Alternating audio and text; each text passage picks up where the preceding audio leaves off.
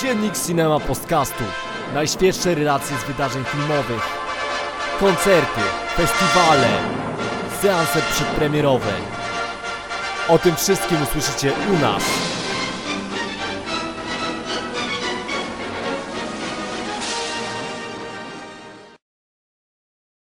Cześć, z tej strony mikrofonu Szymon Cieśliński. i Adrian Busz Reprezentujemy tutaj konglomerat podcastowy i nawiedzony podcast oraz Cinema Podcast. i pełną salę. Dokładnie tak. I spotykamy się w jaki dzień tygodnia? Dzisiaj jest już niedziela, no a my będziemy omawiać sobotę na Splat Film Feście w Lublinie. Tak, y, ostatnio zauważyliśmy pewną prawidłowość. Otóż codziennie kończymy nagrywanie i zaczynamy w sumie godzinę później. Mamy godzinę 3.26, prawie w pół do czwartej. My zaczynamy tę audycję. Docencie to, kochani. Tak, dzisiaj po prostu będziemy się prawdopodobnie sprę- sprężać i wyjdzie krótsza audycja. Ale też właśnie wyjątkowo troszkę się zmieni jej struktura, bo dzisiaj nie mieliśmy już bloku filmów krótkometrażowych. Tak jak wczoraj wspomnieliśmy, y, ten ostatni blok został wyświetlony w piątek, y, a w sobotę dzień zaczął się referatem, wykładem. Jakim powiedz nam? Jest to referat z archiwum XXX o porno parodii. I prowadzi to Jacek e, Dziduszko, który jest znany głównie z e, tego, czegoś takiego jak poraz wyrola, więc e, no, właściwy człowiek na właściwym miejscu. I jest to referat dotyczący właśnie czegoś takiego, co, co nazywamy porno parodią. No, często słyszę, słyszę i nawet u Was w konglomeracie podcastowym, że powinno się na to mówić po prostu pornowersje e, danych produkcji. E, A pole, porno parodie polegają na tym, że faktycznie przerabiamy znane tytuły, tak na przykład jak Godfathera, czyli Ojca Chrzestnego na Godmother. E, tam mieliśmy przykład, czy no, legendarnego Edwarda Nożycorękiego na Edwarda Penisorękiego i w wersji porno e, fabułę, fabułę z oryginału no, przerabiamy na, żeby było dużo scen e, erotycznych bądź e, fabuła, która ma prowadzić do takowych. No, Jak to Mando nazywa, żeby było dużo fikołków? tak jest. No. Znaczy myślę, że wszyscy wiedzą, że są porno parodie, tak? Te wszystkie właśnie filmy z podtytułem XXX czy porn parody. No ale właśnie, jak może wyglądać taki referat? Powiedz, byłeś zadowolony dzisiaj? E, Byłem zadowolony z tego referatu. E, W sensie, no taki, taki referat, no moim zdaniem i widzę po samej prezentacji, że to jest jednak bardzo pojemny temat i że taki wykład powinien e, trwać 3 godziny, żeby w ogóle streścić nam tak naprawdę ideę tej pornoparodii i w jakich mediach, w jakich, w ogóle z jakich rzeczy to korzysta, bo dowiedzieliśmy się, że również z komiksu Często pa- pornoparodie korzystają e, z literatury, w ogóle z, Z reality show. tak, więc e, generalnie przemysł porno przerabia na swoje wersje Wszystko. przeróżne, tak, przeróżne media, przeróżne rzeczy, przeróżne formy. No, a taki wykład był bardzo, bardzo skondensowany, no bo to było w zasadzie 35 minut e, przykładów, e, skupiania się na tych, e, na tych najważniejszych e, przykładach. E, powiedziano nam tylko, czym jest właśnie pornoparodia i od razu, od razu wykładowca przeszedł do właśnie pokazywania przykładów e, kolejnych e, kategorii, tak, kolejnych pornoparodii z ró- różnych kategorii, no ilustrując to często filmami. E, I to na serio mogliśmy zobaczyć dosłownie na dużym ekranie faktycznie no fikołki. Y, To była w dużej mierze taka jedna wielka wyliczanka. Y, Tak. Ale co jest tutaj bardzo istotne, wyliczanka jednak podzielona na kategorie, jakoś tam przemyślana. Do każdej kategorii były po prostu jakieś tam dwa, trzy przykłady. Y, Były scenki też wyświetlane, ale tutaj z komentarzem, każdorazowo opatrzone jakimś wstępem, jakimś komentarzem, ciekawostką, jakąś tezą. I w związku z tym, wiadomo, to nie był referat na takim poziomie jak ten wczorajszy, bo i tematyka była trochę luźniejsza, no i to było właśnie bardziej wprowadzenie do e, większego tam jakiegoś zagadnienia, ale no, sympatycznie się w tym uczestniczyło, właśnie luźna atmosfera i coś, co, co idealnie pasuje na Splat Film Fest, nie? czyli właśnie materiały, których raczej nie wyświetli się przy innych inicjatywach e, filmowych czy kulturoznawczych po prostu. A tutaj nikogo nie oburzały, tak e, można było się troszkę pośmiać, można się było czegoś tam dowiedzieć. Ja też na przykład nie wiedziałem, że e, aż takie jest duże spektrum tego, co się przerabia, nie? że naprawdę właśnie nawet jakieś tam, że są takie, takie ramoty powiedzmy, takie e, produkcje, które mają już po kilkadziesiąt lat i też właśnie były tym, co my dzisiaj rozumiemy jako pornoparodia. Ciekawa rzecz, właśnie przyjemna, sympatyczna, z rana też na takie rozbudzenie się. No ja jestem bardzo na tak. No ja może nie bardzo, ale jestem na pewno na tak. No, to było zabawne, e, fajnie zacząć dzień od właśnie takiego wykładu. Tu się zgadzamy. I zaraz po wykładzie rozpoczęły się filmy pełnometrażowe. Dzisiaj było ich pięć w sumie. Tak, zgadza się, pięć filmów. I pierwszym z nich był Wilczy Dom. E, tak, czyli Wilczy Dom, produkcja chilijsko-niemiecka. E, bardzo specyficzna i w formie, i w treści. Właśnie, nie wiem, może zaczniemy jednak od fabuły, co? E, tak, no trudno, trudno w ogóle streścić e, fabułę. Tak na, na, na początek zacznę od tego tylko, że widziałem poprzednie filmy e, tegoż reżysera, bądź e, nawet duetu reżyserskiego, e, czyli chyba Laura i Luis, tak się, tak się nazywały. I to były filmy, które pokazywały środek, wnętrze jakichś domów i tak jak monologi dzieci, tych tytułowych dzieci. W każdym filmie było to oczywiście inne dziecko. No i Wilczy Dom korzysta z tej samej, z tej samej zasadzie konwencji. Mamy historię Marii, która ucieka, ucieka z, z no właśnie, skąd ona ucieka. To może przejmę pałeczkę. A proszę Cię bardzo. Jest to film niemiecko-chilijski. On opowiada o mm, członkini sekty, e, niemieckiej sekty, niemieckich e, emigrantów, nie, imigrantów, przepraszam, e, w Chile. I to była sekta, która nazywa się właśnie Kolonią, dlatego ta, tytuł, ta nazwa Kolonia tutaj pojawia się w tym filmie. Kolonia Dignidad bodajże w oryginale, prowadzona przez Paula Szepera, Szepnera, nie pamiętam już dokładnie bo akurat to nazwisko nie pojawia się tutaj w filmie, ale y, film nawiązuje do tych wydarzeń, czyli do tego, że niemiecka sekta naprawdę istniała w Chile i ona miała bardzo złą sławę, bo tam przetrzymywano, torturowano więźniów zarządów Pinocheta i też okazało się, że ten y, lider tego kultu oraz tam kilkanaście innych osób y, było za, by, byli zamieszani w molestowanie chłopców, molestowanie dzieci w pedofilię i też usłyszeli wyroki, więc E, no, to nie było przyjemne miejsce na pewno. I też film do tego mocno nawiązuje, bo zaczyna się taką propagandówką właśnie z tego miejsca. Bo wiecie, to był ogromny teren, ale otoczony, zamknięty, tam nie było jakiegoś wolnego dostępu. I kręcili materiały propagandowe. Tutaj też widzimy właśnie jakieś tam piękne pola, ludzi, którzy wykonują proste, codzienne czynności. Właśnie, nie wiem, doją krówki, coś tam sobie szyją przy maszynie i komentarz narratora, że jesteśmy szczęśliwi, jesteśmy niezależni, odcięci od świata zewnętrznego, mamy tutaj tą naszą małą utopię. I e, jak film nas stara o tym przekonać i też słyszymy z ekranu takie komentarze, że tam ludzie próbują nas jakoś e, zniesławić, bo nas nie rozumieją, czy coś takiego, czy nam zazdroszczą. Czyli właśnie znowu mamy walkę e, z tą złą sławą całej inicjatywy i obserwujemy następnie jak gdyby losy, chociaż to też może trochę za dużo powiedziane, ale pewną wizję losów Marii, która rzekomo uciekła z tej sekty i trafiła do tyłowego wilczego domu. Przy czym on nie jest nazywany wilczym domem, a po prostu domem. I została wyrzucona e, w związku e, z jakimś tam powiedzmy złamaniem reguł e, przy tym jak zajmowała się świniami i w tym domu też poznaje dwie świnki, które powoli przemieniają się w ludzi, a ten dom z takiego właśnie cichego z takiej cichej przystani, tak bezpiecznego jakiegoś tam schronu dla niej zamienia się w dość potworne, nieprzyjemne miejsce. E, no i my obserwujemy, jak do tego dochodzi. A dochodzi właśnie już o tej formie w sumie wspomniałeś, e, w taki sposób, że mamy realnie istniejące pomieszczenia mhm. i tam na ścianach e, widzimy na przykład narysowane meble, które się przesuwają. W sensie są rysowane na bieżąco, jest animacja poklatkowa, tylko że w realnie istniejącej przestrzeni. I mamy też takie właśnie wielkości ludzi, normalnej wysokości kukły, zrobione z pasków papieru, przyklejonych do jakiejś tektury, ale to jest tylko jedna taka główna, to są dwie główne techniki, to malowanie na ścianach i te takie mm, właśnie figury ludzkie czy zwierzęce z papieru, ale mamy też na przykład rysunki na szkle, dzięki czemu no, mamy tę iluzję, że postać się przemieszcza też nie tylko po ścianie, ale jakoś tak w przód, w tył, bardziej przestrzennie. Mamy jakieś tam baloniki i inne obiekty takie już normalne, 3D rzeczywiste, no i pod kątem właśnie tym realizacyjnym to robi niesamowite wrażenie. I widać ogrom, ogrom w pracy. Ja nie wyobrażam sobie jak długo i ile osób nad tym musiało pracować. No do ostatniego chyba filmu krótkometrażowego twórcy to minęło jakieś 3-4 lata, twórców przepraszam.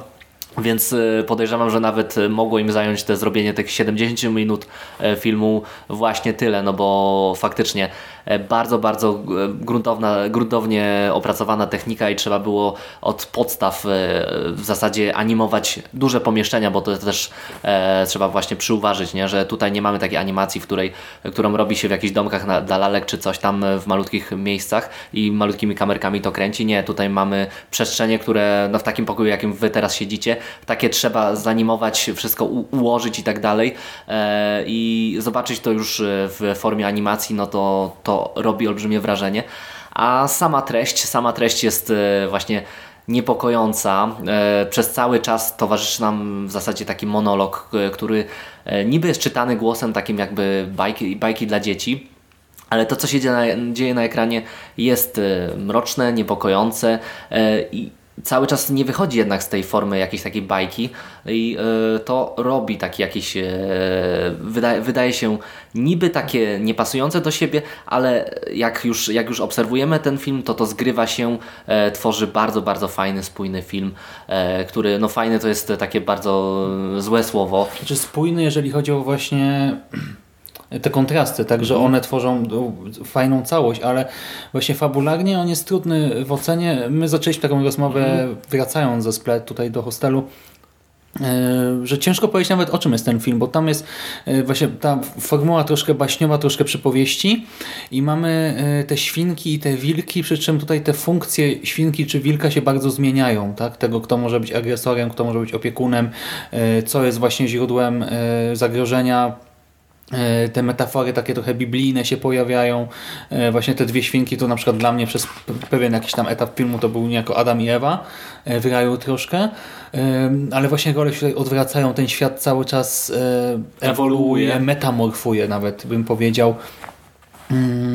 Do tego w ramach tej animacji już fajnie wygląda, bo te figury z papieru, na przykład z tych pasków, one powstają jak gdyby na naszych oczach, bo to nie jest tak, że y, jak gdyby dostajemy już ten idealny obraz tak. gotowej jakiejś tam figurki, tylko gdy ona się przemieszcza, to widzimy na przykład, że ona pęka, że ten papier gdzieś tam pęka y, i w tym miejscu są po prostu naklejane na naszych oczach niejako te nowe paski znaczy pojawiają się, bo nie widzimy samego procesu naklejania, ale widzimy, że te paski nachodzą, są zamalowywane na nowo i jak gdyby ten świat cały czas, y, dosłownie przez całe te 70 minut pęka y, i zostaje odnowiony, tak? Niszczy je i zostaje jakoś tam odtworzony, co też jest w sumie istotne w kontekście całej fabułki. Y, ja to odczytuję bardziej przez pryzmat właśnie wierzeń, religii, czy nawet właśnie stworzenia człowieka, tej takiej genezy kosmogonii, nie Boże, już brakuje mi słów. Powstanie świata.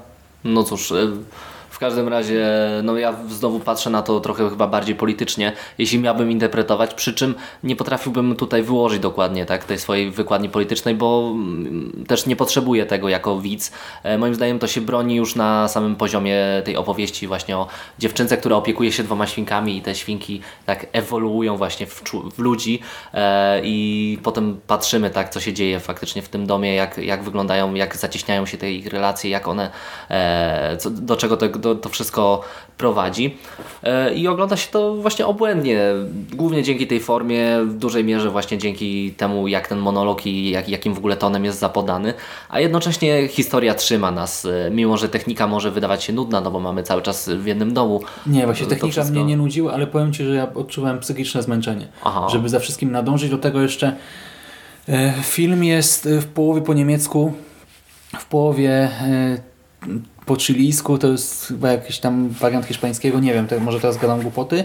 Napisy tam oczywiście po polsku i po angielsku tutaj były wyświetlane y, i ja momentami już się totalnie gubiłem, bo śledząc właśnie te wszystkie przemiany świata przedstawionego, próbując nadążyć za fabułą, jakoś tak ją sobie ułożyć w głowie, jednocześnie te, te, zmiany języka, na przykład wiesz, niemiecki rozumiałem, więc wtedy nawet ignorowałem napisa, to nagle był chilijski, czasami się łapałem na tym, że nawet mm, wyłączyłem się na tyle, y, skupiając się na tym, co się dzieje w tym świecie, właśnie jak te metamorfozy następują po sobie, że w ogóle dialogi nagle mi z głowy mm -hmm. wyleciały i dla mnie to było jednak wyczerpujące. Okay. Cały ten seans i pod koniec, znaczy jestem ogólnie content, nie? no bo to było ciekawe przeżycie, ale ciężko mi to polecić komukolwiek, bo to jest trudny seans. Właśnie, y, okej, okay, dla jakichś y, fanów kina bardziej eksperymentalnego, jeżeli chodzi zwłaszcza o formę, no to tak, ale tak poza tym, no na przykład pewno nie fanom gatunkowego kina, nie? No, bo... no raczej, raczej nie, no myślę, że fa ale myślę, że fani kina festiwalowego, no to dla nich to jest e, chleb powszedni. Hmm. Chociaż no, słyszałem właśnie te opinie po Nowych Horyzontach, jak wyświetlano ten film w ramach tego festiwalu,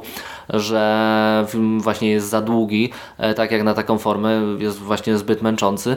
A druga sprawa, że słyszałem dużo opinii, że to jest trochę za bardzo zżynka z twórczości Jana Schwankmajera, z czym się nie zgadzam. Akurat uważam, że twórcy tutaj mają bardzo bardzo oryginalny e, styl. Myślę, że samo to, że korzysta się z animacji poklatkowej, no to nic nie znaczy w tym, w tym kontekście. Dlatego film polecam, a osobiście polecam każdemu. E, myślę, że warto się zmierzyć z czymś takim, bo to wcale nie jest długie. No. Znaczy ja też nie zgadzam, że jest za długie, ale po prostu wytrzymać na pełnym skupieniu przez mhm. taki okres czasu, zwłaszcza dla nas, no dla mnie to już jest szósty dzień festiwalu, nie? No to mhm. jednak swoje robi, ale na pewno ciekawe doświadczenie i super, że to trafiło do programu, tak? Bo to jest właśnie zupełnie znowu inna strona też w sumie grozy, no bo horror też tutaj mamy, tak? Tak, tak. No, dobra. A następnym filmem, który będziemy omawiać jest e, film Luz. E, film, który już e, widzę, widzę drugi raz. E, widziałem go też na Nowych Horyzontach, przy czym no, za pierwszym razem troszkę się od niego odbiłem, a tutaj pozytywna niespodzianka. Nagle okazuje się, że film obejrzany drugi raz potrafi mi się spodobać. Luz opowiada o tytułowej Luz, która jest taksówkarką, trafia na komisariat, gdzie nie wiadomo dlaczego wyskoczyła tak w pewnym momencie z taksówki. Sprawę trzeba zbadać, sprawę bada policja i pojawia się również na miejscu przesłuchań policjant który będzie wypytywał doktor. i no, da, przepraszam, doktor, lekarz, tak, psychiatra, psychiatra, psychiatra dokładnie, no, e, który będzie wypytywał e, bohaterkę, tak, wprowadzi ją w stan hipnozy i spróbuje odtworzyć wydarzenia, które, e, do których doszło. No. Mhm. A żeby było zabawniej, ostatecznie, bo to się zaczyna właśnie jak jakiś kryminał czy thriller, do tego właśnie stylizowany też na kino, nie wiem, lat 70. z ubiegłego stulecia ostatecznie okazuje się, że to jest horror okultystyczny mhm. E, i e, no, dla mnie bardzo ciekawe doświadczenie, film niemiecki znowu i no, bawiłem się dobrze. Właśnie ta intryga jest troszkę pokręcona. Tutaj mamy taką jedną postać w trzech osobach, tak to ujmijmy mhm. enigmatycznie, więc trochę trzeba sobie w głowie te fakty poukładać, ale właśnie bardzo mi się to podobało, bo to taka zagadka kryminalna, nie, którą trzeba sobie ułożyć w głowie, wychodzi z tego jednak jakaś groza, zakończenie też bardzo pasujące do całej historii, takie naprawdę w punkt. Y, i właśnie ten cały epizod y, no fabularnie mnie to kupuje, a forma też jest super, bo ta stylizacja jest bardzo udana, a do tego w ramach hipnozy na przykład, co jest bardzo ciekawe i warto o tym wspomnieć, obserwujemy y, kobietę, wiecie, hipnoza ma przywołać te sceny z taksówki, więc są ustawione cztery krzesła, y, przedtem ustawione lusterko, y, właśnie takie samochodowe na statywie i kobieta siedzi sobie na jednym z tych krzesełek i udaje, że prowadzi taksówkę w tym stanie hipnozy, ale my słyszymy atmosferę, dźwięki właśnie z tego przejazdu, tylko wszystkie rozmowy, wszystkie dialogi słyszymy głosem luz, no bo to ona to odtwarza właśnie ze swoich wspomnień, czy ze swojej podświadomości tak właściwie. I właśnie ta realizacja dźwiękowa jest na naprawdę wysokim poziomie i no, bardzo mi się to podobało. Tak, formalnie ten film robi robotę, to już akurat rzuciło mi się podczas pierwszego seansu, że no, film został nakręcony na taśmie 16 mm, no potem przerzucony na e, formę, format już komputerowy i tam został obrabiany e, dalej, no ale no, te ziarnie, ziarnie, ziarniste obrazy i w ogóle e, to jak kolorystykę dobrano, no to, to kojarzy mi się pierwsze, pierwsze, na pierwszy rzut oka z filmami Cronenberga, z filmem Scanners na przykład e, i zobaczyć taką stylizację w, współcześnie, no to, to robi wrażenie. Muzyka też jest bardzo, bardzo ok. No, fabuła jest bardzo, bardzo poplątana. E, taki scenariusz e, roi się od dziwac, w sensie zadałem sobie nawet pytanie, dlaczego, chcąc opowiedzieć o tym, o czym reżyser opowiadał, dlaczego takie, a nie inne punkty wyjścia i takie inne potem plot pointy wprowadza, no dla mnie to jest dość dziwne, ale okej, okay, obrał taką, a nie inną drogę i na początku odrzuciłem to to dla mnie to było zbyt y, skomplikowane, dziwne. Po tym pierwszym seansie. Tak, tak. Nawet tak. mówiłeś do mnie, że jesteś ciekaw, czy ja zrozumiem o co chodzi. Tak, tak. I czy ci powiem o co w tym chodzi po seansie. Tak, no zresztą po pierwszym seansie reżyser sam e, miał Q&A i wytłumaczył o, o co w tym wszystkim chodzi. Z tą całą świadomością, e, wiedząc już e, co mnie czeka, no to oglądało mi się to drugi raz dobrze. Być może dlatego, że tym razem byłem wypoczęty na tym seansie. Nie jestem jakoś tam bardzo zachwycony, bo mówię, ten scenariusz dalej zadaje sobie pytanie, dlaczego akurat tak, a nie inaczej go skonstruowano zrealizowano, ale no, robi to wrażenie, tak? Dobrze się to ogląda, to jest y, króciutki film, chyba najkrótszy z całego festiwalu, jeśli chodzi o pełnometrażowe e, rzeczy. E, no i wart jest zapamiętania, fajnie było go powtórzyć. Mhm, Dla mnie naprawdę bardzo dobry, bardzo ciekawy, bardzo udany seans. No, to przechodzimy do relaksera. E, do czegoś, na co bardzo czekałem, bo czym jest relakser? Relakser jest opowieścią o dwóch braciach, e, z których jeden e, zadaje wyzwania drugiemu. E, taką, taką mają, e, tak, taki mają e, układ między sobą. No i głównym wyzwaniem, które będzie nas interesowało jest wyzwanie gry w Pacmana. Ma, główny bohater ma, si- siedząc tylko na kanapie, nie ruszając się z, przed swojego Nintendo, a rzecz dzieje się w roku 99, ma przejść Pacmana do levelu 267, tak? Nie mylę się. 256 ma przejść. A, 66. dobrze, tak, 256 i takie jest jego wyzwanie i faktycznie cały film potem będzie się już toczył e, do samego końca na tej kanapie. On się od początku toczy, bo nawet No w zasadzie tak. pierwsze wyzwanie też się toczy na kanapie. Bohater przez mini spoiler, przez prawie cały film nie wstaje z kanapy. Raz wstaje dosłownie na moment, nie powiemy kiedy, bo to jest jakaś tam niespodzianka też. A tak to siedzi w tym jednym miejscu i ja się zastanawiałem, wczoraj czy przedwczoraj też rozmawialiśmy o tym, nie? czy ta jedność e, miejsca i prawdopodobnie czasu, tak, że to będzie pe- pewnie liniowy film, czy to no, jest materiał na właśnie pełen metraż. I no teraz widzę, że rzeczywiście twórcy tutaj jakoś wyciągnęli z tego ten pełen metraż. Może, znaczy myślę, że gdyby film był trochę krótszy, to by zyskał jednak ostatecznie. Ale to było też ciekawe doświadczenie, jakby nie patrzeć, e, zwłaszcza, że e, Znaczy powiem, Ci tak, że e, Ty zadawałeś to pytanie, a ja osobiście nie miałem żadnych wątpliwości, nie? że jeśli ktoś postanowi, że gościu, który, że przez cały film gość będzie grał na tak w Pacmana i siedział na kanapie e, i że wymyśli taki pomysł, to ja myślałem, że będzie potrafił to właśnie spójnie poprowadzić przez cały film. I tu się srodze zawiodłem, tak, tak szczerze e, Ci powiem, bo okazuje się, że ten film składa się z kilku dialogów, z kilku prób survivalowych, e, z kilku scen takich dość, dość dziwnych, takich mindfuckowych. Właśnie I, do- do- I mam wrażenie, że właśnie nie, nie było tego pomysłu, co zrobić z tym bohaterem na kanapie. Nie było tych postaci, które można było ciekawszych wprowadzić. I e, przez większość seansu, no powiem zwyczajnie, nudziłem się. To nie było atrakcyjne e, na tyle, żeby mnie zatrzymać przy ekranie, mimo że e, symbolika, a nawet w ogóle tematyka, która pojawia się w tym filmie, no to dla mnie jest szalenie interesująca pod wieloma względami. Na przykład relacja między braćmi, e, ciekawa rzecz w ogóle. Mamy tutaj stłamszonego brata, który zawsze żył w cieniu tego, tego drugiego i w zasadzie te wyzwania, które podejmuje, no być może są jakąś próbą wykazania się.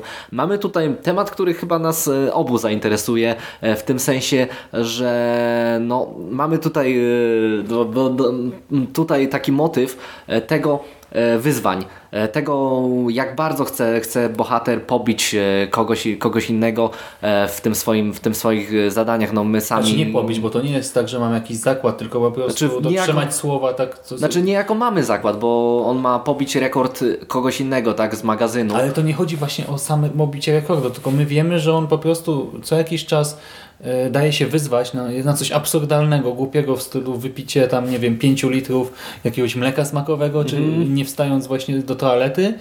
E, I te zakłady nie, nie mają sensu, ale chodzi mi o to, że Chodzi- nie jest ale tak, chodzi mi- kto będzie lepszy z nich dwóch, tak, z Tak, tak. braci, tylko że po prostu ten starszy brat wrzuca właśnie jakiś głupi pomysł i ten młody zawsze to akceptuje, tak jak w teorii wielkiego Mhm. podrywu, tak? Challenge accepted i lecimy z tym koksem, tylko wiemy, że jemu się to nie powiodło do tej pory ani razu i dlatego teraz pierwsza motywacja właśnie, to może być pierwszy raz, gdy dotrzyma słowa, gdy to wyzwanie podoła mu, a po drugie jeszcze tutaj chodzi o pieniądze, bo się okazuje, że jeżeli przejdzie ten Mhm. level, no to w gazecie przeczytali, że może otrzymać 100 tysięcy dolarów, tak? No tak, w kwestii tej identyfikacji chodzi mi o to, że no, jeśli z, e, no, są na przykład ludzie, którzy próbują nagrać jak najwięcej podcastów i przebić innych swoich współredaktorów e, w nagrywaniu tym, albo są tacy, którzy próbują obejrzeć jak najwięcej filmów w kinie w roku i pojechać na jak najwięcej festiwali. No, e, trudno, trudno mi teraz podać przykład takiej, os- ta- takiej osoby. I robisz sobie autoreklamę, tak?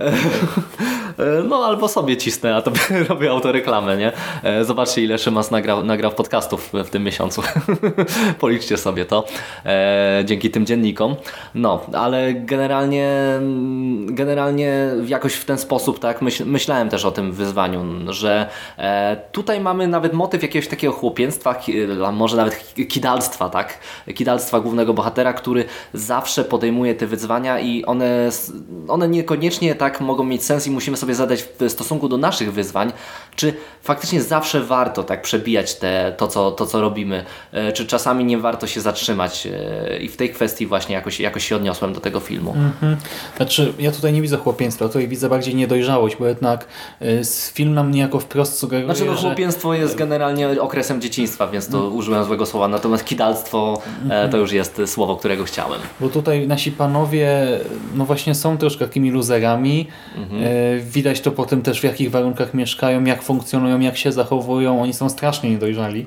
I to nie chodzi o jakieś wewnętrzne dziecko, jakąś taką, nie wiem, radość, yy, czy zachowania lekko nieprzystające do wieku yy, pracy, czy coś takiego, tylko nie, no, oni są oderwani od rzeczywistości dość mocno. Yy, rzeczywiście film skłania do jakiejś tam refleksji nad sobą samym, bo ostatnia scena burzy czwartą ścianę. Mhm. Bohater zwraca się do nas i to można odebrać jako zabawny komentarz po prostu po, po całym seansie, ale można też odebrać jako właśnie taki challenge dla widza w finale, żeby coś zrobić ze swoim życiem i się zastanowić właśnie jak spędzam wolny mm -hmm. czas. Y, ale wcześniej zgubiłem wątek, wszedłeś mi w słowo, bo ja się zaciąłem na chwilę. Ta dziwność mi trochę przeszkadzała, bo ja się spodziewałem, że to będzie coś bardziej komediowego, względnie, że, że, że to, no to jest w strefie WTF bodajże, nie? No. Y, ale że to WTF będzie wynikało po prostu z samego absurdu wyjściowego i może, nie wiem, bohater ze zmęczenia będzie miał jakieś skizy czy coś, tak bardziej w tym kierunku myślałem, to pójdzie, a tutaj ten świat przedstawiony jest troszkę WTF, tak? Czyli dzieją się dziwne rzeczy. Yy, ostatecznie w ogóle ten świat przechodzi pewną przemianę, y, gdy bohater siedzi sobie cały czas na tej kanapie i to zmierza w ogóle w jakimś takim abs absurdalnym, abstrakcyjnym kierunku. Y, trochę bizarne się to robi w pewnym momencie. Y, na koniec w sumie ciężko mi ocenić stan psychofizyczny naszego bohatera. Do końca nie wiem, co w nim zaszło. I to było właśnie ciekawe przeżycie. Tak jak mówisz, trochę brakło pomysłu chyba, bo było też y, kilka dłużyc, kilka tak. takich No te survivalowe wstawki w ogóle no, nic dla mnie nie wnosiły, bo obserwowanie jak znaczy, główny pierwszy bohater... raz jeszcze na samym początku tak, ale potem gdy sytuacja zrobiła się ekstremalna, to one były bezsensowne dość No tak, e, przeciągały tylko film, tak? Próba, próba dostania się do coli, czy dostania się do jakiejkolwiek wody.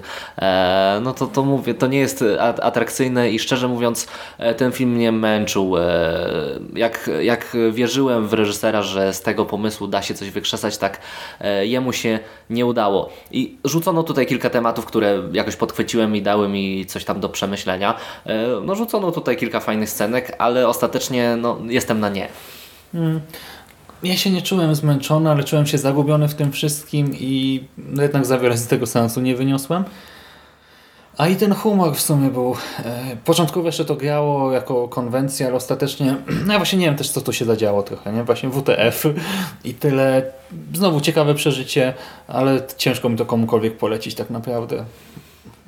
Dobra, to przechodzimy do następnego, do następnego filmu, czyli do Władców Chaosu. Lord of Chaos! No i możemy się teraz już pokłócić na wstępie, tak. ale to właśnie powiedz o czym jest ten tak. film. E, Lord of Chaos to jest adaptacja książki o tym samym e, tytule i jest to książka o zespole Mayhem, e, czyli no takim najtwardszym i takim pierwszym twardym black metalu z Norwegii, gdzie wokaliści w ogóle tak, twórcy tego zespołu, współtwórcy tego zespołu e, bardzo ciężko grali tak i włączali w swoją muzykę satanizm tak mocno, że w końcu ten satanizm również przeszedł do ich życia. No i kończyło się to jak, jak kończyło, tak jeśli ktoś zna historię zespołu, no to e, generalnie zaczęły płonąć w Norwegii kościoły, e, pojawiła się fala tak przemocy, która przeszła cały kraj, no i e, zespół zyskał sobie złą sławę. No w międzyczasie jeszcze pojawił się drugi jednoosobowy band, e, który też e, jest legendarny, czyli Burzum. No i e, film opowiada o perypetiach generalnie gitarzysty Mayhem i również Varga Wikkensena, czyli e, frontmana Burzum. I między innymi o ich relacjach, no ale o samym zespole Mayhem też. Mhm. I to jest o tyle istotne, że ja to oglądałem z perspektywy kogoś, kto nie zna tych historii. Mhm e, prawie w ogóle i też e, nie jest jakimś fanem tych zespołów, nie słucha takiej muzyki, a to ogląda ich z perspektywy jednak... Ja siedzę w koszulce w tej chwili Mayhem. tak, z ich pierwszą, z pierwszej płyty Dead Crash, więc tak, oglądałem to z perspektywy fana e, generalnie całe, całej subkultury metalowej, ale również norweskiego black metalu, który bardzo, bardzo lubię. No, twórczość zarówno osób, które występują w tym filmie znam, jak i Pokłosia, czyli kolejnych zespołów, które nową falę już zapoczątkowały tak norweskiego e, black metalu. E, I powiem szczerze, że jestem bardzo, ale to bardzo zawiedziony. Nawet tak bardzo zawiedziony, że chyba gorszego filmu na tym festiwalu e, nie widziałem w tym, w tym dniu. I to jest bardzo ciekawe, bo mnie ten film się niesamowicie podobał. Dla mnie jako kino gatunkowe jako właśnie historia o jakichś muzykach, którzy mają konflikty, e, znaczy konflikty, mają różną ideologię, mhm. różne spojrzenie na rynek muzyczny, na własne życie, na religię, e, na jakąś moralność, etyczność i z tego właśnie wynikają pewne konflikty, to mi się to bardzo podobało od samego początku do samego końca i naprawdę bawiłem się doskonale, nie tak jak na przykład Lecie 84, troszkę gorzej, ale dla mnie to jest film praktycznie bez wad. Uuu, no to ja jestem zdziwiony, bo ja widzę same wady. E, zacznę od tego, że podstawą tego filmu nie jest jakaś tam e, faktyczna biografia e, tych zespołów, bo akurat osoby, które pojawiają się w filmie, o których ten film opowiada, to jedna wielka banda mitomanów, więc oni przez całe życie opowiadali tyle kłamstw i tyle ściem i tyle przeciwstawnych teorii wobec tego, co, co się działo wokół nich, że no trudno im wierzyć zresztą do dzisiaj, tak, ci, którzy przeżyli to do dzisiaj dużo dużo ściemy e, wrzucają w te swoje opowieści. I nawet... sam, sam początek filmu tak mówi, że ten film jest y, no, że ten film jest oparty na prawdzie, kłamstwach i tym, co się wydarzyło no nie, e, w Norwegii e, kiedyś. No i wiedząc, wiedząc to wszystko, no to już sam punkt wyjścia owszem jest ciekawy, natomiast dość kontrowersyjny, bo te wszystkie ściemy i te wszystkie e, mroczne, mroczne ich części... Dlaczego kontrowersyjne? Bo ty mówisz tak, jakbyś oczekiwał y, dokumentu biograficznego graficznego. Eee, będziesz mi pewnie wmówił, próbował wmówić przez cały ten podcast, więc no nie, no, od, od, od razu się... że coś jest kontrowersyjne. No skoro to jest film zainspirowany, no bo to... to... To, są pogięte, bo to są pogięte historie i e, wiesz... Ale nie wiesz w sumie jak co jest prawdą, więc nie możesz nawet tak powiedzieć. E, mogę powiedzieć, że to, że to nie jest fabularnie interesujące to, to co e, zobaczymy, bo e, faktycznie adaptuje się tutaj e, wszystkie, wszystkie te legendy jak, jakby były prawdą i obserwujemy zbiór e, tak naprawdę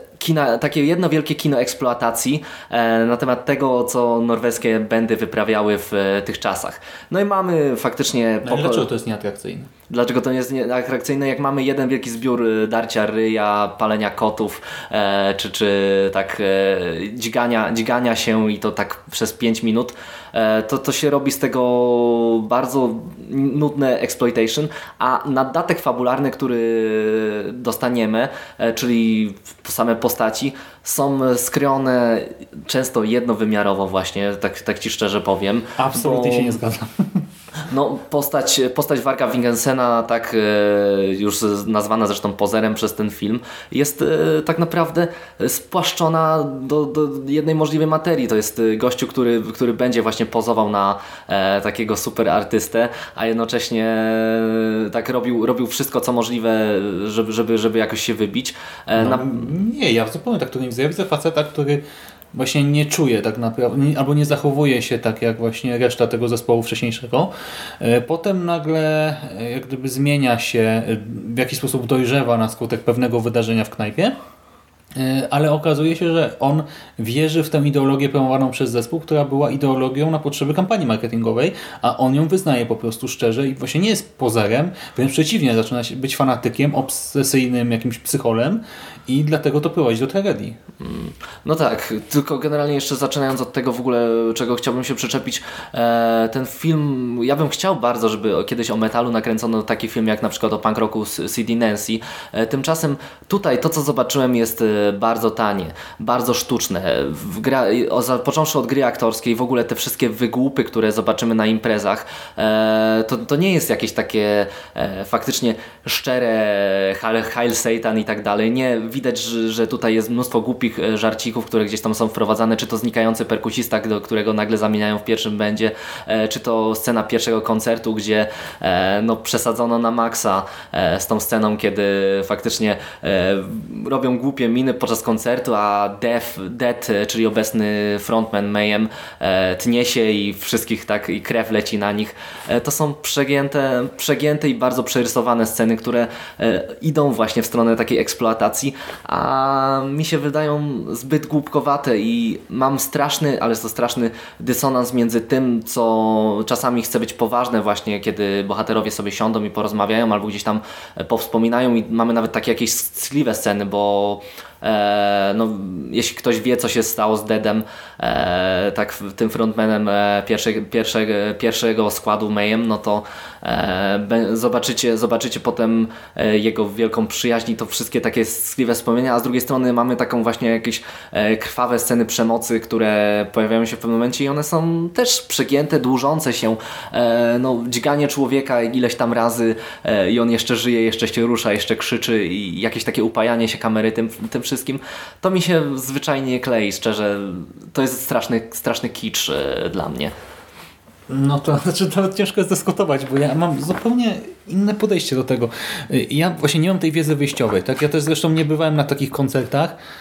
Raz w życiu chyba byłem, nawet nie powiem Ci jaka to była kapela, po prostu znajome mnie wyciągnęły, ale e, ja też tam, znaczy ja byłem dzieciakiem i dla mnie właśnie te dzieciaki wtedy, ci co, ludzie wokół mnie i moi znajomi, właśnie się tak wygłupiali, tak starali się być tacy mroczni, ale to było takie wszystko, właśnie dlatego mnie to nie kupiło wtedy, bo dla mnie to było takie trochę wygłupy, trochę właśnie się zrobimy sobie mocny, ciemny makijaż u dziewczyn czy coś, czy właśnie, wiesz, będziemy wyglądać tak, a nie inaczej, ale ja w tym nie czułem właśnie niczego prawdziwego, w ogóle to mnie nie przemówiło. No koncert był ok, ale nic więcej. I tutaj ja widzę właśnie ludzi, którzy jakoś to czują, ale nadal to są dzieciaki, które po prostu chcą zdobyć sławę, chcą sobie grać muzykę, śpiewać, coś tam stworzyć, coś nowego. Widzą, że to im się sprzedaje, więc się nakręcają. Mamy właśnie eskalację powolną, tak, zarówno od strony artystycznej, jak i od strony tych wszystkich czynów y, wokół tego, nie, tych przestępstw i tak dalej. Y, moim zdaniem to jest y, dobrze umotywowane, w sensie wiem z czego to wynika. Tak widzę związki przyczynowo-skutkowe. Rzeczywiście te sceny akurat dwa razy już powiedziałeś o tym morderstwie tak z nożem, y, to, to, to trwa trochę długo i też się zastanawiałem ile ciosów ktoś jest w stanie przeżyć, żeby jeszcze mhm. móc się podnieść czy oddychać, ale wiesz, ta konwencja jednak nie miała być stricte mroczna. Tak? Ten film od początku y, troszkę podchodzi do tego z przymrożeniem oka. Właśnie ten sam wstęp moim zdaniem jest po to, żeby nie traktować tego na poważnie i dlatego ja to tym bardziej szanuję. Bo to nie ma ci powiedzieć, że o, pokazujemy ci biografię super zespołu, tam, czy tam właśnie prawdziwą historię, tylko nie, już właśnie ta sama plansza. Film jest oparty na prawdzie albo prawdziwym kłamstwie, i tym, co się wydarzyło. Chyba jakoś tak się zaczyna, No coś, coś, takiego. Tak? No właśnie i to ci mówi wprost, że nie bierz tego na serio, tak? Część rzeczy ci pokażemy tak, jak prawdopodobnie się wydarzyła, część rzeczy tak, jak wiem, że się wydarzyła, część rzeczy tak, jak nam mówi, że się wydarzyło, ale się raczej nie wydarzyło i po prostu zdystansuj się. Od, od początku mamy humor w tej narracji, bo w ogóle mamy łamanie czwartej ściany, jak gdyby narrację pierwszą osobą, ktoś się zwraca do odbiorcy, czyli do widza.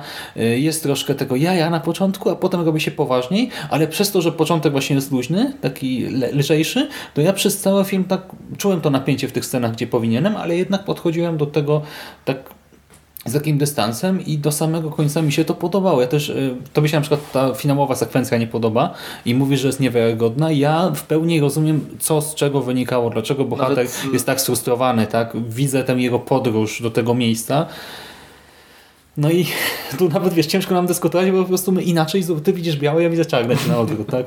tak, no i wychodzi tak e, black, me black metal.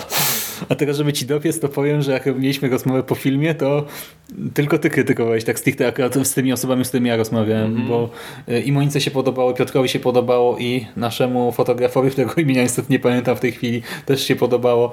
No tak, no ale żeby mi dopiec, więc to co ja mogę, mogę powiedzieć, nie? Że mam, moich, moich ludzi jest więcej, tak? Moich ziomków jest więcej. Których nikt nie widział, nie znał. Tak? Ten podcast jest oparty na prawdzie, kłamstwie i tym, co się naprawdę wydarzyło. No, nie, ale, będzie rozłam. Ale słuchaj, to mówisz, że ci się nie podobało, ale to znaczy, że nikomu absolutnie nie polecasz, że właśnie uważasz, że ten film jako po prostu też film też jest zły? A na przykład osobom, które tak jak ja nie znają historii też nie polecasz? A może mówisz, że film jest zły jako per se? E, tak, uważam, że jest zły i polecam go jako guilty pleasure dla na pewno heavy metalowców, zresztą e, tłum był, tak, e, na naszym seansie. Na tej... Pełna sala, nomen omen. Pełniutka sala, tak. E, w Warszawie, jak to, jak to słuchacie, to być może, że mogą być już wykupione bilety, więc spieszcie się, bo zostało ile? 30 miejsc? Tak plus minus, nie? I pewnie znikają w tej chwili. Więc jeśli obejrzeć to dla Beki, tak, z perspektywy fana, fana tego zespołu, albo w ogóle fana metalu, no to myślę, że coś tym, coś tym może być, ale no generalnie ja jestem na nie. No. Okej. Okay. Ja jestem absolutnie na tak. Serio, nie widzę praktycznie żadnych wad. Dobra zabawa, ciekawa historia, niezła realizacja. Tyle. Kropka, już nie ciągnę. Okej, okay, no. Dobra, to teraz przechodzimy do filmu Głowica, ostatni film tego dnia i tym razem mamy do czynienia z horrorem klaustrofobicznym. Klaustrofobia prosto z Danii, tak? Film mm -hmm. duński. Zgadza się. E, który prezentuje nam e, budowę jakiegoś tunelu. Ja początku pomyślałem, że to jest budowa zderzacza hadronów. Byłem święcie przekonany, bo tak to wyglądało e, ta cała struktura, ale się okazało, że to jest po prostu jakieś tam metro, właśnie prawdopodobnie w Danii. Y, przy czym metro, przy którym pracują robotnicy z całej Europy czy z całego świata w pewnym sensie. Jest spore zróżnicowanie, dlatego dziennikarka y, postanawia przygotować jakiś tam reportaż z tych prac, porozmawiać z tymi ludźmi, zapytać się ich, dlaczego wybrali ten zawód, co im się tutaj podoba, y, co im się nie podoba w tej pracy i tak dalej, i tak dalej. I jest pod ziemią w i pracuje, e, znaczy, no właśnie pracuje, zdobywa ten materiał, rozmawia z kolejnymi pracownikami i dochodzi do tego urządzenia, które właśnie wierci te tunele, do tej głowicy, tak? Mhm. E, I podłączonej do niej komory dekompresyjnej. Mhm, zgadza się. I tam e, widzi, jak bohaterowie, znaczy bohaterowie, pracownicy, tak, bohaterowie tego filmu wchodzą do tej komory i nagle obok wybucha pożar. E, jeden z pracowników każe jej się ukryć w takim schronie przyłączonym do tej komory. E, sam tam próbuje jeszcze coś zadziałać, ale prawdopodobnie ginie i ostatecznie nasza bohaterka i dwóch innych mężczyzn są uwięzieni no, w takiej stalowej klatce pod ziemią i muszą sobie jakoś z tym poradzić.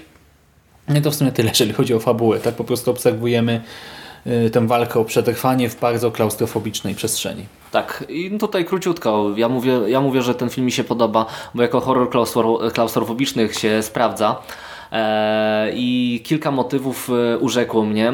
Po pierwsze, jest tu mała metafora społeczna, która nie stara się być jakąś właśnie wielką e, analizą. Tak? Mamy tylko zestawienie mieszkanki tego kraju z dwoma imigrantami i oni mówią coś trochę o sobie i w pewnym sensie to jest też przełożenie, tak, e, przełożenie, jakieś tam właśnie metafora stosunków między, e, między tym krajem a imigrantami, jak obywatele tak ich traktują. No ale to, na tym wszystkim to, to się nie skupia, no jednak to jest horror, który ma przerażać tą ciasnotą. I pierwsze co mi się, co zrzuciło mi się w oczy, to jest to, że umiejscowiono widza w zasadzie wśród tej trójki, tak, podzielona miejsce, gdzie dzieje się na początku ten film, podzielony jest na takie cztery, e, cztery w zasadzie zony, tak, e, cztery miejsca i kamerę umiejscowiono w jednym z nich. No i obserwujemy te postaci i w zasadzie tak jakby czujemy, że jesteśmy w środku, w środku tej akcji. Bardzo fajny zamysł, żeby... Ta komora ma jak gdyby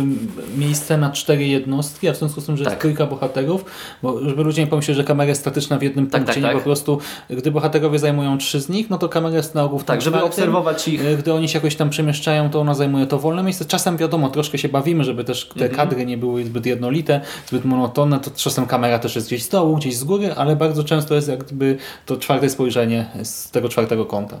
Tak, i to, to zrobiło wrażenie.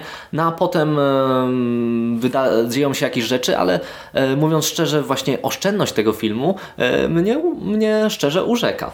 E, bo tutaj nie dzieje się zbyt wiele. No, to, to jest nawet, e, przyjmuje ten film w pewnym momencie estetykę slow cinemową, ale radzi sobie z tym, dlatego że ukazuje ten brud, ten pot, e, to wszystko, tak, czym, czym wokół obrastają i w ogóle tą, tą duchotę, która panuje w tych pomieszczeniach i skupiając się na ich reakcjach, na reakcjach fizycznych, e, potrafi zbudować, e, zbudować opowieść, która no, trwa co prawda no, niedługo, bo 80 minut, ale jednak nie dzieje się wiele, a doświadczamy wiele i potrafimy przez ten cały czas e, czuć to, co na ekranie jest, doświadcza to nas, no to jest po prostu no, dla nas dobre, fajne. No.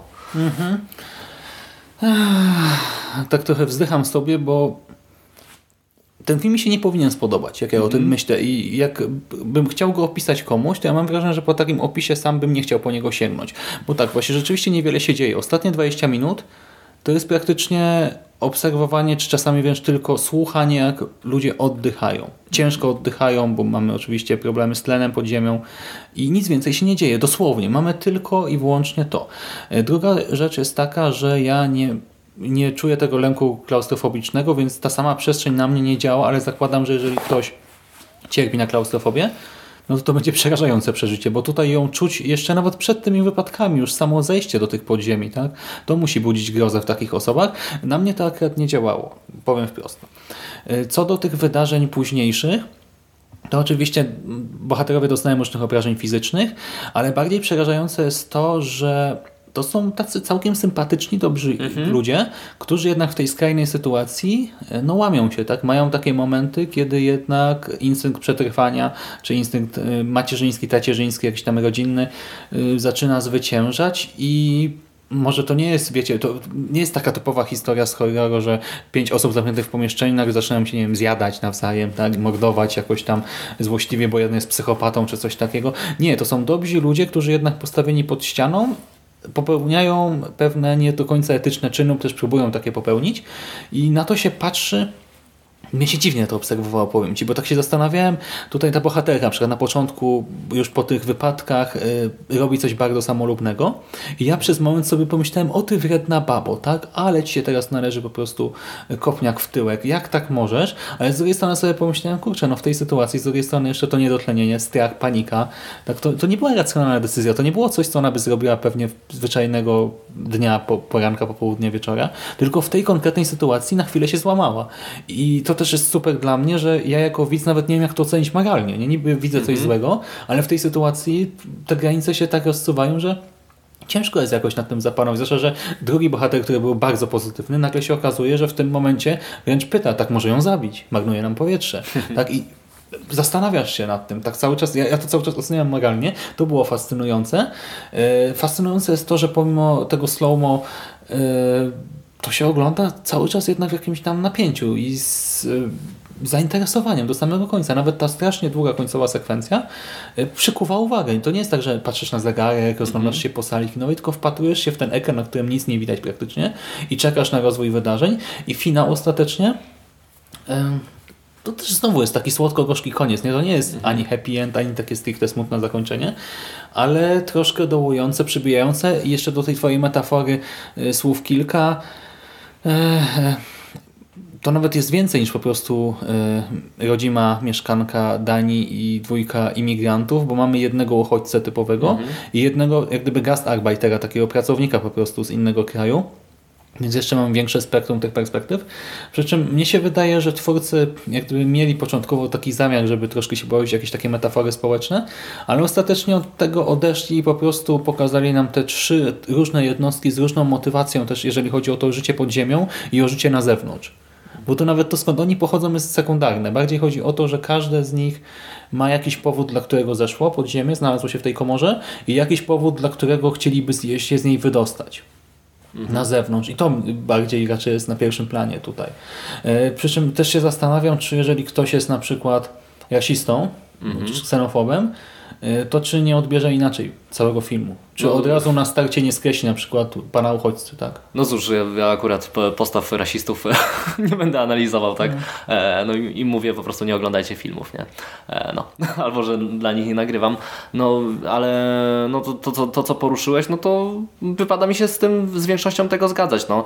E, nie czuję, żeby tu był zamysł od początku właśnie, żeby właśnie kreślić jakąś większą panoramę społeczną, bo bardzo szybko twórcy porzucili dialogi, porzucili w ogóle opowiadanie o swoich postaciach, e, bardzo szybko zeszli pod ziemię i fizjologia e, bohaterów, to jak, jak się ich ciało zachowuje, e, odgrywa jakąś rolę, co jest w sumie też czymś jakimś nowym w horrorze. Ja przynajmniej nie pamiętam, żeby tak bardzo zrezygnowano z opowiadania o postaciach, tak bardzo skupiono się właśnie na tej klaustrofobii, na tej ciasnocie i na tym, jak, jak reagują postaci również ciałem. Nie? I emo, emocjami też tak, no to, to też gdzieś, gdzieś się jakoś wy- uwypukla, ale no nie chodzi o czczą ganani- gadaninę tutaj, tylko e, właśnie o obserwowanie ich. I eksponowanie nie na przykład krwi, jakichś uszkodzeń ciała, Mhm. y, nie wiem, jakichś oparzeń czy czegoś takiego, a bardziej y, samego potu, takich nawet bardziej delikatnych otarć, tego, że nie wiem, nagle włosy są już zmierzwione, że ten oddech jest płytki, źrenice zmienione. Y, Takie rzeczy, które teoretycznie nie powinny robić tak dużego wrażenia, ale odpowiednio zobrazowane y, sprawiają, że my czujemy ten dyskomfort bohaterów i ten, to ich przerażenie nam się jakoś tam udziela. No, tak. Więc y, całkiem, całkiem ciekawy, całkiem fajny seans, przy którym się niczego nie spodziewałem, a okazał się dobry. No, warto, warto zobaczyć ten film.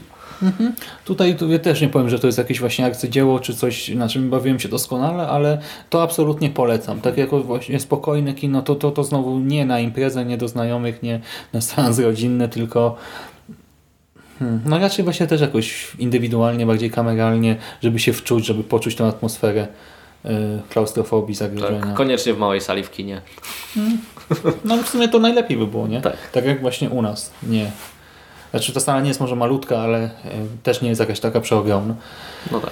Dobra, no to co? Cały dzień jak oceniasz? Pozytywnie czy negatywnie? Bardzo różnie, bardzo różnie. Eee, to jest ten taki dzień, który dał mi Sinusoidę. Tak, e, olbrzymie spektrum przeżyć e, od, e, no mówię, najgorsze, jednego z najgorszych filmów e, festiwalu e, po Wilczy Dom, który mnie bardzo, bardzo pozytywnie zaskoczył, więc e, no pozytywnie, tak, no generalnie po to też się jeździ na festiwale, nie? Bo ja podsumowując nawet kiedyś warszawski festiwal filmowy, powiedziałem, że strasznie mnie męczy to, że tam oglądam non-stop niezłe filmy, bo jak oglądasz ciągle filmy 6 na 10, 6 na 10, to w końcu masz ich dość, mimo że e, to, są, to są filmy całkiem okej, no nie? No tu dostałem dużo więcej przeżyć, więc jest okej, no. No to dla mnie trochę relakser jest jakimś tam, znaczy zawodem, no czymś po czym spodziewałem się czegoś ciut lepszego lub czegoś, co do mnie lepiej przemówi, bo to właśnie to nie jest tak, że to jest złe, tylko do mnie nie przemawia, może tak. Ale Wilczy Dom w porządku, luz super, Władcy Chaosu super z dwoma plusami w mojej ocenie, ta głowica bardzo Dwoma odwróconymi krzyżami. Tak. Więc dla mnie naprawdę kolejny bardzo udany dzień i teraz czekam na te ostatnie seanse jutrzejsze, w tym na blog dziecięcy, bo jutro widzimy Przyjaciela Wesołego Diabła. film, o którym wszyscy mówią, a którego my nie widzieliśmy. No, nigdy jakoś nie miałem okazji, no cóż. Ale o tym porozmawiamy już za ile. Zbliża się, o jest 17 po czwartej, idealna pora, żeby zacząć montować podcast. No. To dobranoc wszystkim, albo dzień dobry wszystkim, którzy tego słuchają. I jutro słyszymy się ostatni raz, jeżeli chodzi o splet i tę relację na żywo. Dzięki, że jesteście z nami. Trzymajcie się i do następnego razu. Cześć. Hejka.